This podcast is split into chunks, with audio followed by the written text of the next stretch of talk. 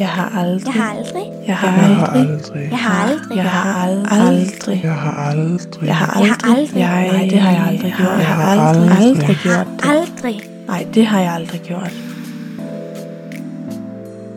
Nej, nu har jeg da aldrig. Men det har jeg.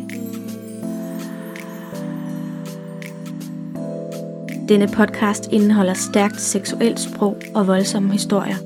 Derfor anbefales det, at du er over 15 år. Har du nogensinde undret dig over, hvordan livet på forsiden af medierne er? Eller har du måske læst en vild historie, der har fået dig til at revurdere, om den egentlig holdt 100% vand? Jeg hedder Helene, og velkommen til Jeg har aldrig. I dag skal vi dykke ned i en masse af de overskrifter og mediestunts, som jeg har lavet i mine famøse år i hovedstaden. Jeg var bestemt ikke bleg for at lægge navn og privatliv til diverse kulørte overskrifter, og selvfølgelig omhandlede det ofte sex. Men det blev en ustyrlig afhængighed til sidst, der led mig helt derud, hvor jeg ikke kunne bunde, og til sidst så måtte jeg så svømme mod land og væk fra djævleøen. Jeg har allerede flere gange sagt i den her podcast, at det man ser i medierne kun er toppen af isbjerget. Og det er bestemt også gældende i det her afsnit. Der var rigtig mange følelser og rigtig mange ting i spil i mine år, i de år, hvor jeg ligesom florerede rigtig meget i medierne. Der er også mange flere nuancer i forhold til, hvad der har ligget til grund for, eller hvad der er gået forud for diverse historier.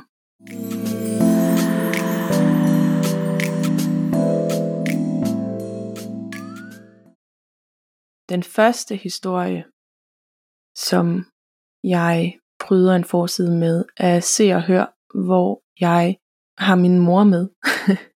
hvor jeg er begyndt at lave porno, og er færdig med gymnasiet, og har min mor med, eller hun er i hvert fald med på forsiden, hvor der står, hun støtter mig. Det er en sandhed taget lidt ud af... Det er i hvert fald ikke helt rigtigt. Jeg kan huske, jeg uden mine forældre overhovedet har vist noget til det, har kontaktet en producent i København og er taget ind i en lille lejlighed i Valby og har indspillet min første porno, eller er i gang med at indspille min første pornoscene og får dårlig samvittighed og ringer hjem til min mor og siger, mor, du skal bare vide, jeg laver porno, jeg har, jeg går i gang nu, og jeg tror ikke min mor siger andet end okay. Og det øh, får jeg så en historie ud af til, at min mor hun støtter mig i mit valg. Sandheden bag det er jo selvfølgelig, at min mor havde det rigtig svært ved det. Hun havde rigtig svært ved at lige pludselig også være skydeskive for en masse meninger, fordi når man sådan stiller sig frem i medierne og støtter en datter, der laver porno og optræder på forsiden af Se og Hør med hende, så bliver man meget hurtigt skydeskive for en masse negative kommentarer. Dengang fandtes Facebook held- heldigvis ikke. så det var også meget heldigt. Men jeg får min mor med på den her forside, og, og mit liv i pornobranchen har jo påvirket min mor rigtig meget. Hun synes, det har været rigtig hårdt, og har tit sagt, at jeg synes, du skulle lade være, og er det ikke nok nu, og sådan nogle ting. Men hvor, man skal også tænke ind i det, at mit forhold til mine forældre, efter at jeg føler mig udstødt nede på Lolland, og har rigtig svært ved at finde min plads, det er, at jeg trækker mig væk. Jeg flytter hjemmefra i 3.G, og skal bare væk fra det hele. Øh, går op til min forstander og siger, at jeg kan ikke holde ud og være derhjemme, og jeg vil gerne have en øh, akutbolig og sådan nogle ting, og får så en ungdomsbolig tæt på gymnasiet. Mine forældre har altid været støttende. De har altid været der for mig. Og det er jo også derfor, at når jeg kigger tilbage, det er jo det, der også gør ondt, at jeg har brugt dem som skydeskive nogle gange, og ligesom prøvet at bortforklare min dårlige adfærd med, med at rette skyld mod dem. Efter historien med min mor, oplever jeg på nettet, at der er mange, der skriver grimme kommentarer, og især til mig. Og som, når jeg har den historie, som jeg har, hvor jeg også tidligere har følt mig udstødt i folkeskolen om er blevet mobbet, så er det rigtig svært at læse sådan nogle kommentarer og bare glemme dem bagefter. Så jeg stopper med det her mediecirkus og tænker, nej, det var ikke mig. Det, det synes jeg ikke var særlig rart at få nogle, sådan nogle beskeder. Og hver gang der bliver lagt noget ud, så læser jeg ikke kommentarfeltet, fordi det river mig sådan ned i et meget mørkt hul hver gang. Øh, min mor får en blodprop i 2008, Og det tager rigtig hårdt på mig. Fordi i den her periode, hvor jeg ligesom søger væk nede fra Lolland og Falster, der besøger jeg ret sjældent mine forældre. Og jeg har rigtig svært ved at komme derned og være dernede, fordi det bringer en masse ting frem, og alt det jeg flygter fra, det kommer bare sådan susende tilbage. Plus på det her tidspunkt er jeg langt ude i misbrug, der simpelthen gør, at jeg ikke har tid. det føler jeg i hvert fald ikke selv. Hvis ikke jeg er høj på et eller andet, jamen så ligger jeg med tømmermænd et andet sted. Så, så jeg besøger ikke mine forældre rigtig meget. Da min mor så får den her blodprop, så får jeg sindssygt skyldfølelse og kommer der ned og har det rigtig svært med det hele og føler mig lidt skyldig, for jeg ved også, min mor, hvor svært min mor har haft det med de valg, jeg har truffet. Og hvor svært hun har haft det efterfølgende, også fordi hun vidste, at jeg også var i prostitution på det tidspunkt.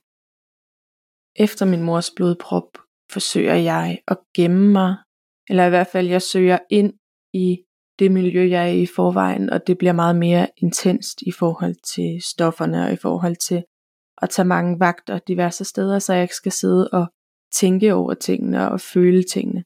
Og øhm, på et tidspunkt i 2009 melder jeg mig til en million castings. Fordi jeg rigtig gerne, nu vil jeg gerne ud og øh, jeg vil ikke ud at være skuespiller, for det har jeg ligesom fundet ud af i pornobranchen. Jeg kan ikke, kan ikke finde ud af at være troværdig på film.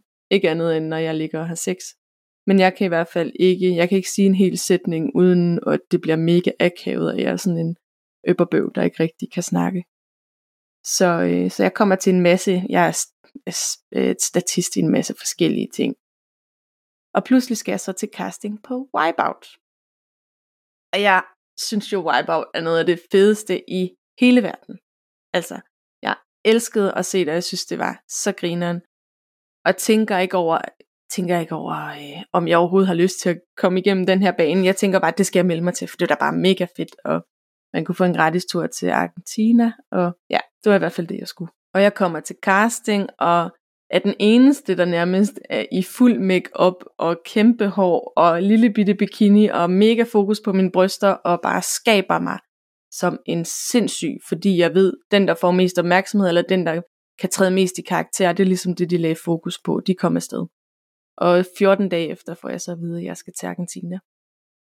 Og jeg tager afsted, og synes, synes det er helt vildt sjovt, indtil vi øh, kommer ud første dag og skal se den her bane. Og den er bare pissefrygtindgydende. jeg tænker, hvad fanden har jeg rodet mig ud i? Jeg er overhovedet ikke, altså, jeg er overhovedet ikke den her person, der er fysisk, det har jeg også fortalt tidligere, jeg er på ingen måde adræt. Hvis jeg nogensinde har tabt mig ind på det her tidspunkt, så har det været fordi, at jeg øh, har taget en masse stoffer, eller fordi jeg ikke har spist i flere dage. Det har aldrig været på grund af motion. Jeg har, på det her tidspunkt i mit liv har jeg aldrig nogensinde dyrket motion. Jeg er i hvert fald ikke svedt under motion. Så, så den skræmmer mig en lille smule, den her bane. Og min frygt bliver selvfølgelig også øh, underbygget, eller ikke underbygget, men den bliver i hvert fald øh, valideret af, at jeg klarer det helt forfærdeligt på den her bane. Jeg glider ned, og for det første, så første gang jeg kommer i vandet, sluger jeg noget af det her vand, og jeg kan finde ud af, fordi da de kørte os rundt igennem den her bane, der siger de, vandet er 120 cm dybt. Hvad jeg så ikke lige får opfanget, det er i det specifikke bassin. Det vil sige, i alle andre bassiner, der er det altså en 3-4 meter dybt. Det vil sige, man kan ikke bunde, og jeg har den sygeste vandskræk. Hvis ikke jeg kan bunde, så hyperventilerer jeg, og så øh, drukner jeg. Ej, det ved jeg ikke, men jeg, godt, jeg kan godt træde vande og sådan noget. Det er ikke fordi, jeg drukner, men jeg kan ikke finde ud af at svømme ordentligt. Og slet ikke på det her tidspunkt, hvor jeg har enorm, enorme silikonepatter. Så, så jeg får slugt vand og kommer op og får løbet lidt igennem, og så skal jeg igennem, så skal jeg over til sådan en sådan trapezagtig ting. Og jeg, jeg kan ikke engang få fat, altså mine arme, de har jo aldrig nogensinde løftet andet end en liter mælk. Så jeg, jeg falder ned i vandet og op igen og ned i vandet, og jeg kan simpelthen ikke finde ud af det her lort. Og en af de sidste forhindringer, det var så de her runde kugler, bolde, som man skal op på og jeg hopper fra den ene til den anden, uden at tænke over, fordi jeg, på det her tidspunkt, der tænker jeg, at vandet er ikke særlig dybt, og det er jo også rigtig idiotisk ting, fordi hvis man skal falde nogle meter ned i noget vand, så er det nødt til at være dybt, for at man ikke kommer til skade. Men jeg hopper, lander på, øh, på min røv, og slår luften ud af lungerne på en eller anden måde, og øh, ryger direkte ned i vandet, og sluger en masse vand, og panikker, fordi jeg ikke kan nå bunden. Og, øh, og to minutter efter, så er der så tre livredder, der ligesom får svømmet mig ind til siden, hvor jeg hoster og hakker. Og ikke nok med det, så har jeg jo gjort mig fin til det her wipeout-regi. Så jeg har farvet mit hår rødt, knaldrødt med ny farve. Så den røde farve løber ned af mine store, fine silikonebryster og min, min nyindkøbte bikini. og misfarver den, og jeg er helt færdig med det der. Jeg er total panisk og angst og siger, no way, jeg gennemfører ikke, jeg skal ud og sidde. Og jeg sidder bagved i flere, ti- i flere timer, mens de andre de gennemfører, og de kommer ud flere gange og siger, Marie, synes du ikke lige, du skulle, hvis nu vi gør sådan og sådan, og de prøvede virkelig at tale mig og overtale mig, og de siger, vi simpelthen, vi kan ikke, vi kan ikke klippe dig ud af afsnittet, du er nødt til at gennemføre. Jeg indvilliger i, at okay, det kan vi så godt prøve. Og de får så hejst mig op på et eller andet, et eller anden, øh, hvor man også skal hoppe hen og tage fat i noget. Jeg tror også, det er en slags trapez eller et eller andet. Og jeg med vilje, man kan også bare se, jeg tager mig for næsen, og så hopper jeg bare ned i vandet og svømmer ind til siden. For jeg skulle ikke nyde mere, det skulle bare have en ordentlig afslutning på det. Og heldigvis gik jeg jo ikke videre til næste runde, selvom de andre også var rimelig forfærdelige. Og så samtidig med, at jeg har været i Wipeout, så kommer jeg jo også til casting på, eller jeg bliver udtaget til at skulle være med i Clown The Movie. Og på det her tidspunkt er det jo kæmpestort klovn, og det er det jo også stadig. Klovn er jo en kæmpe, kæmpe stor succes, som, øh, som lille mig pludselig skal være en del af. Og jeg prøver også sådan i telefonen at forklare, altså jeg ser lidt voldsom ud, og jeg har mange tusser, og jeg har store silikonepatter og sådan nogle ting. Men det, øh, det er de bare vilde med. Det kaster. Det synes kasteren bare er super fedt. Så jeg kommer til, øh, til det her shoot ude på Strandvejen, tror jeg der. Jeg kan ikke, min hukommelse er lidt elendig fra den tid, så I må bære over med mig. Men jeg kommer herud, og så kan jeg jo se, at der er en masse af mine kollegaer, som jeg kender fra stripverdenen. Så er der selvfølgelig også andre almindelige modeller, eller nøgenmodeller, eller lignende. I hvert fald folk, jeg ikke er bange for at tage tøjet af. Vi sidder på det her langbord og er helt vildt ekstatiske over, at nu skal vi altså ind og møde Kasper Christensen og Frank Vam, og vi har ikke fået så meget at vide på forhånd andet end, at vi skal spille nogle prostituerede i det her Castello Alicat regi. Så vi, øh, vi gør selvfølgelig, vi duller os op, og jeg har taget det vildeste, jeg fik jo ikke at vide, at vi skulle være 100% nøgne hele tiden. Så jeg har taget det vildeste korset på, eller corsage, med strutskørt og øh, hofteholder og høje stiletter og jeg ved ikke hvad. Og vi kommer så ind på sættet og får at vide, at vi skal tage alt tøjet af, fordi vi skal have taget det her billede. Så, så det var sådan rimelig spildt arbejde. Men Kasper fik jeg aldrig snakket med. Ikke andet end lige det der billede, det famøse billede, der har floreret fra, fra filmen af, hvor, øh, hvor han står bag ved mig. Men det var jo det var jo sindssygt spændende, og nogle meget farverige og søde og fascinerende personer. Altså nogen, som jeg har ikke set op til, fordi det er måske lidt svært, når vi befinder os i to forskellige verdener, men i hvert fald nogen, som jeg har haft øje på i mange år, og haft, jeg har jo den her, ikke kendis-faktor, men jeg har den her, jeg er i hvert fald den vildeste kendis-fluffer, også på det her tidspunkt. Og det hele det strider jo på mig for at bare få lov til at blive. Men det får, får jeg jo ikke lov til at blive smidt ud sammen med, eller ikke smidt ud, men jeg bliver sendt hjem sammen med de andre tøser. Men det har jo været, det har jo været en sindssygt fed oplevelse, meget professionel og meget stringent, men samtidig et sted, hvor man, der ligesom var plads til, at man kunne grine, og man kunne joke lidt rundt. Og alt den der, selv den der film, der er blevet taget bagom, hvor jeg står ved siden af Ben Fabricius Bjerre med bare bryster, altså det var jo så surrealistisk. Det er virkelig svært at forestille sig, at noget, mere, noget mere syre, men det var, det var mega, mega fedt kort efter, eller ikke kort efter, fordi det, der går et stykke tid fra det skud til det ligesom bliver, at øh, kloven har premiere. Men op til, at kloven skal have premiere, der får jeg så snakket med en journalist fra Ekstrabladet, der så tænker, åh, oh, det er en fed historie det her, at du spiller prostitueret, og du er prostitueret, og det skal vi helt sikkert lave en serie ud af. Og han kommer op og interviewer mig, og jeg synes, det er mega fedt endelig at, at have noget på hjerte, og have noget, og noget fornuftigt at sige, i stedet for bare sådan, hej, som jeg har gjort tidligere, hvor jeg måske ikke rigtig har haft noget på hjerte. Her der er det ligesom det der med at tage bladet fra munden og snakke om købe sex, og det der med ikke at ville tige det ihjel, og sådan nogle ting. Efter klon, der oplever jeg så det her vakuum. Og det er rigtig svært for mig at håndtere. Efter klovnpremieren, der er det som om, at jeg begynder at føle en masse ting, som jeg ikke har følt længe. Man skal tænke på, når man i en periode benytter rigtig mange stoffer, så øh, øh, det, det følelsesmæssige spektrum, det bliver meget begrænset. Man bliver rigtig dårlig til overhovedet at føle noget, fordi stofferne ligger rigtig meget låg på den emotionelle side. Og jeg føler mig ensom, og jeg føler mig alene. Og på det her tidspunkt har jeg jo kun semi-kendis venner, og de er jo ikke interesseret i mig, når jeg ligger derhjemme og har det skidt. De er jo bare rimelig ligeglade. Så jeg sender en øh, runde sms, faktisk, øh, hvor jeg skriver, jeg har det skidt, jeg vil ikke mere, jeg, øh, jeg tror ikke, jeg har lyst til at leve mere, det hele det er bare noget lort.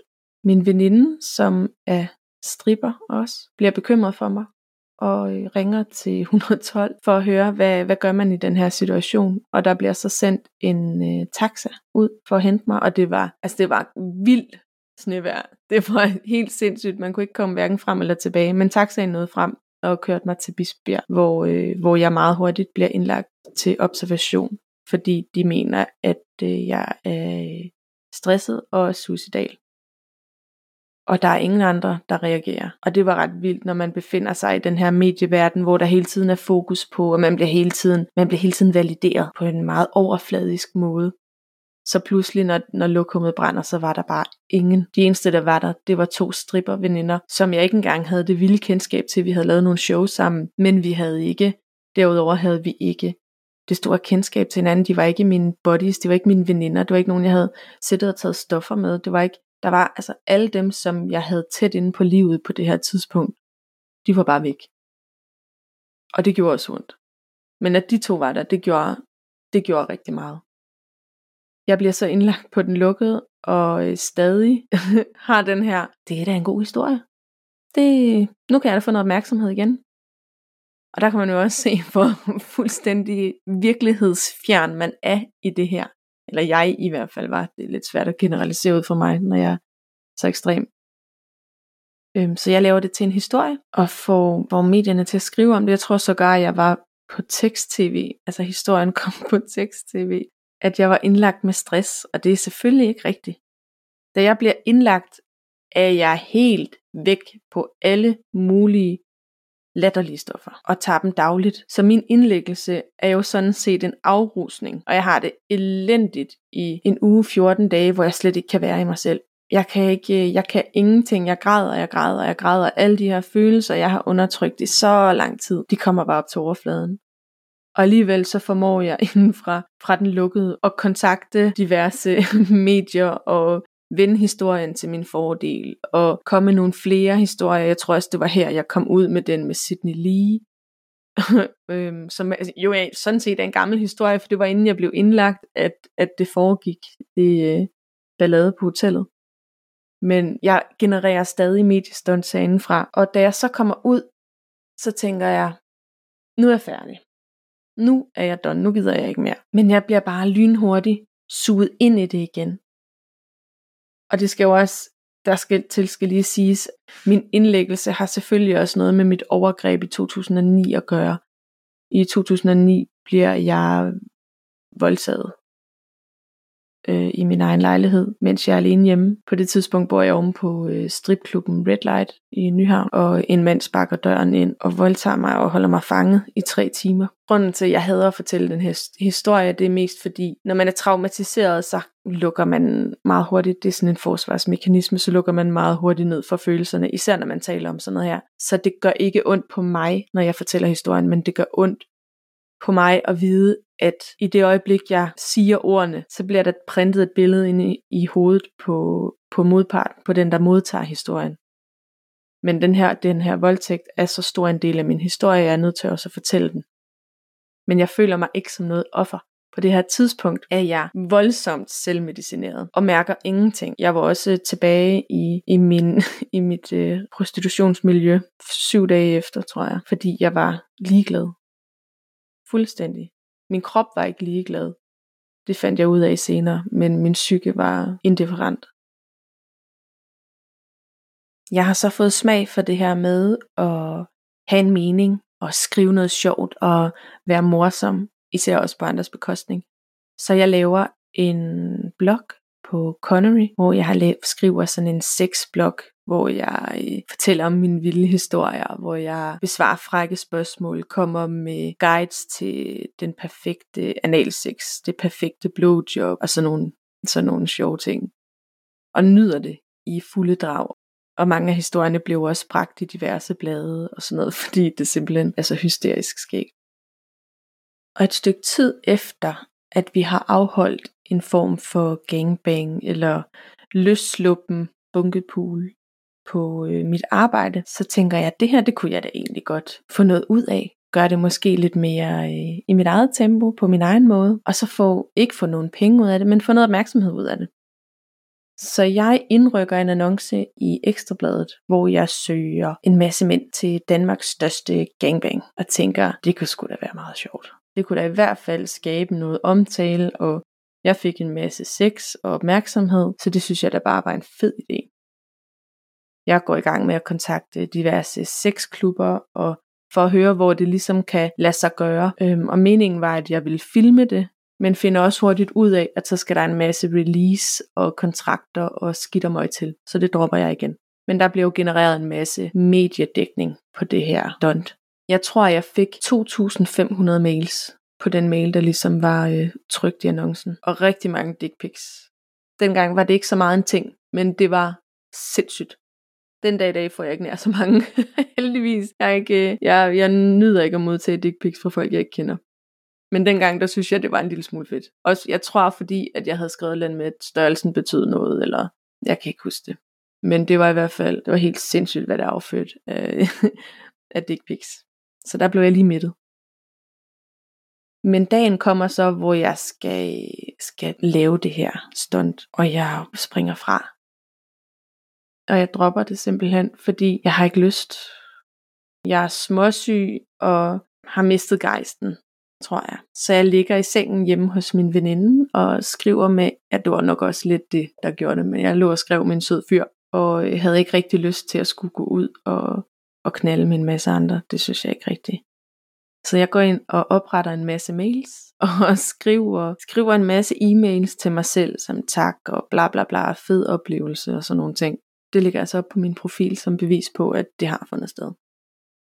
Hvad jeg så ikke lige er ops på, på det her tidspunkt, der, øhm, der bliver jeg kaldt til samtale, fordi jeg er i sådan noget øhm, aktivering, et eller andet. Jeg går i sådan et forløb inde på kommunen, hvor jeg skal afruses, hvor jeg skal ud af mit miljø, hvor jeg ligesom, det er sådan en form for exit-pakke, og hun kan så ikke helt forstå, hvad hun har læst i medierne, hvis jeg render rundt og siger noget andet. Så jeg må krybe til korset og erkende, at det har jeg selvfølgelig ikke foretaget, og har mit vidne med inden, som ligesom forklarer, at det ikke skete det her.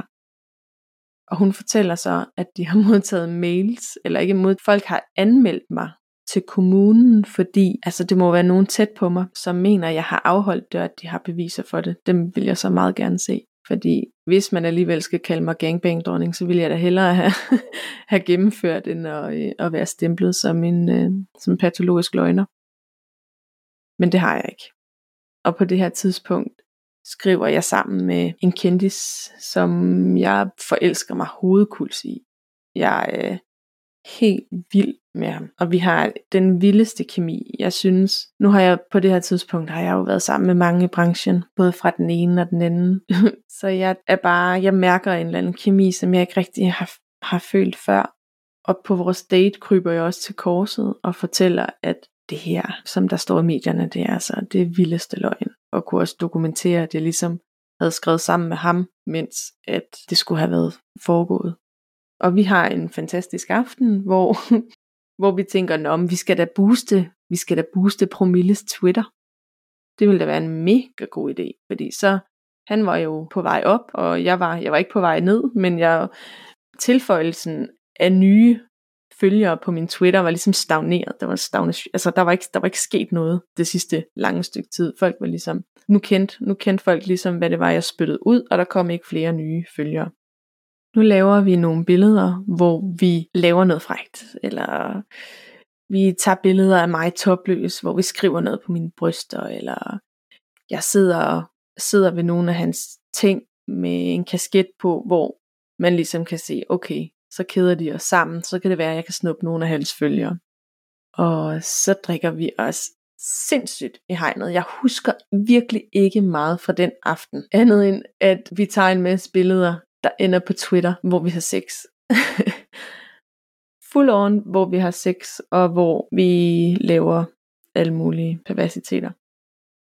Og det var jo sådan et, jeg næsten kan påkalde mig et øjeblik sindssyg, fordi det er jo det er ikke det smarteste at smide ud på nettet eller på SoMe, fordi det bider dig i røven. Det ligger derude nu.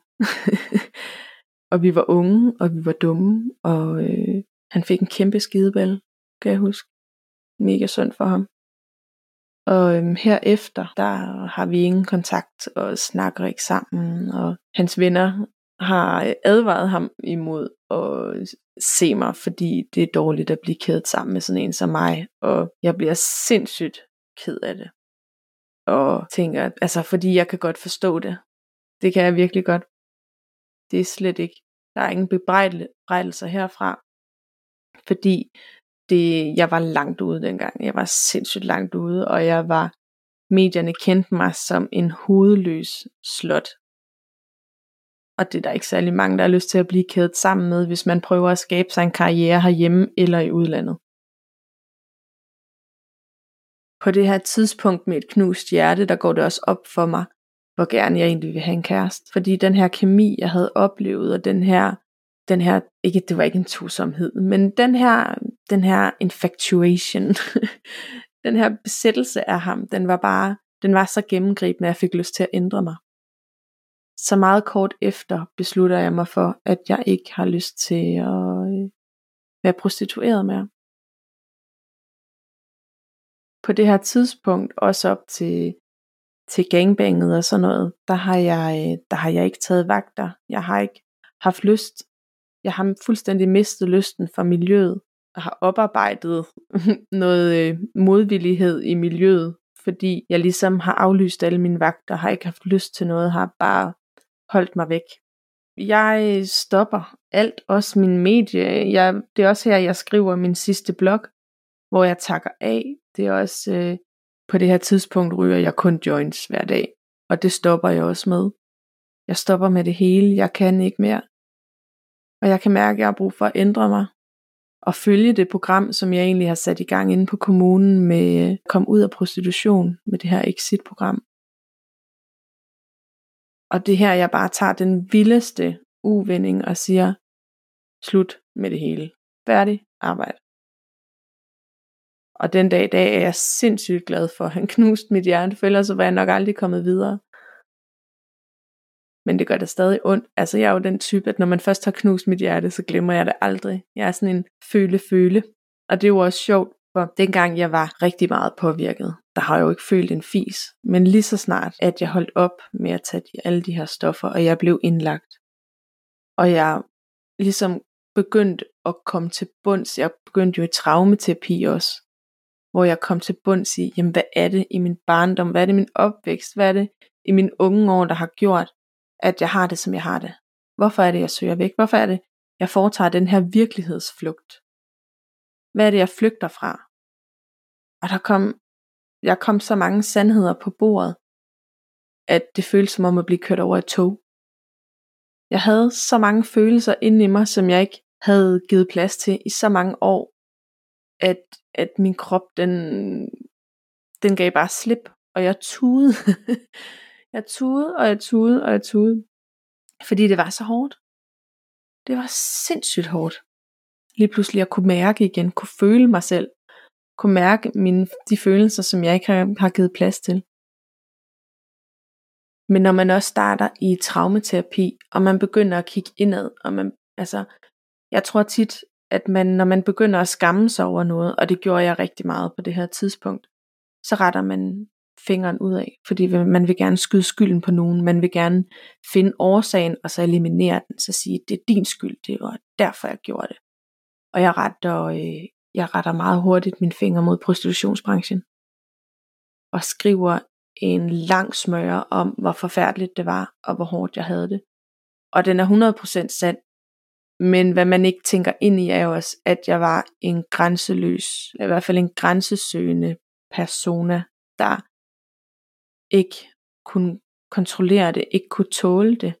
Jeg har mødt mange prostituerede i, i min, mit liv, som sagtens kunne komme ud på den anden side og har fået et fint liv, og ikke har varer i men af det. Men jeg har helt sikkert også mødt det modsatte.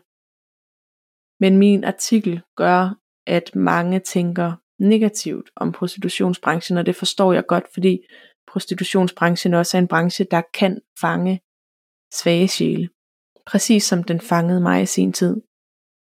Og efter min artikel, jeg tror det var i januar 2013, bliver jeg stadig kontaktet et par gange årligt af folk, der gerne vil have mig til at snakke prostitution.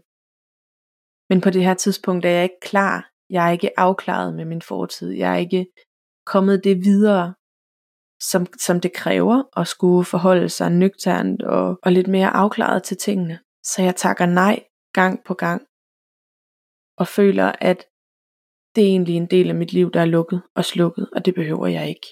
Det behøver jeg ikke kommentere mere på. Men det er jeg bare nødt til, fordi når man googler mit navn, så kommer det frem. Og det er jo det, bagsiden af medaljen er, når man optræder så meget i medierne, det er, internettet glemmer aldrig. Og det skal man virkelig sætte, skrive sig bag øret, inden man går ud og ræber op, fordi ikke fordi det kan ødelægge noget, fordi man kan altid bevise folk om det modsatte. Man skal bare huske at stå på mål for de ting, man siger. Bevis det modsatte. Bevis, man ikke er der, hvor man var i sin tid, og det er netop det, jeg vil med den her podcast.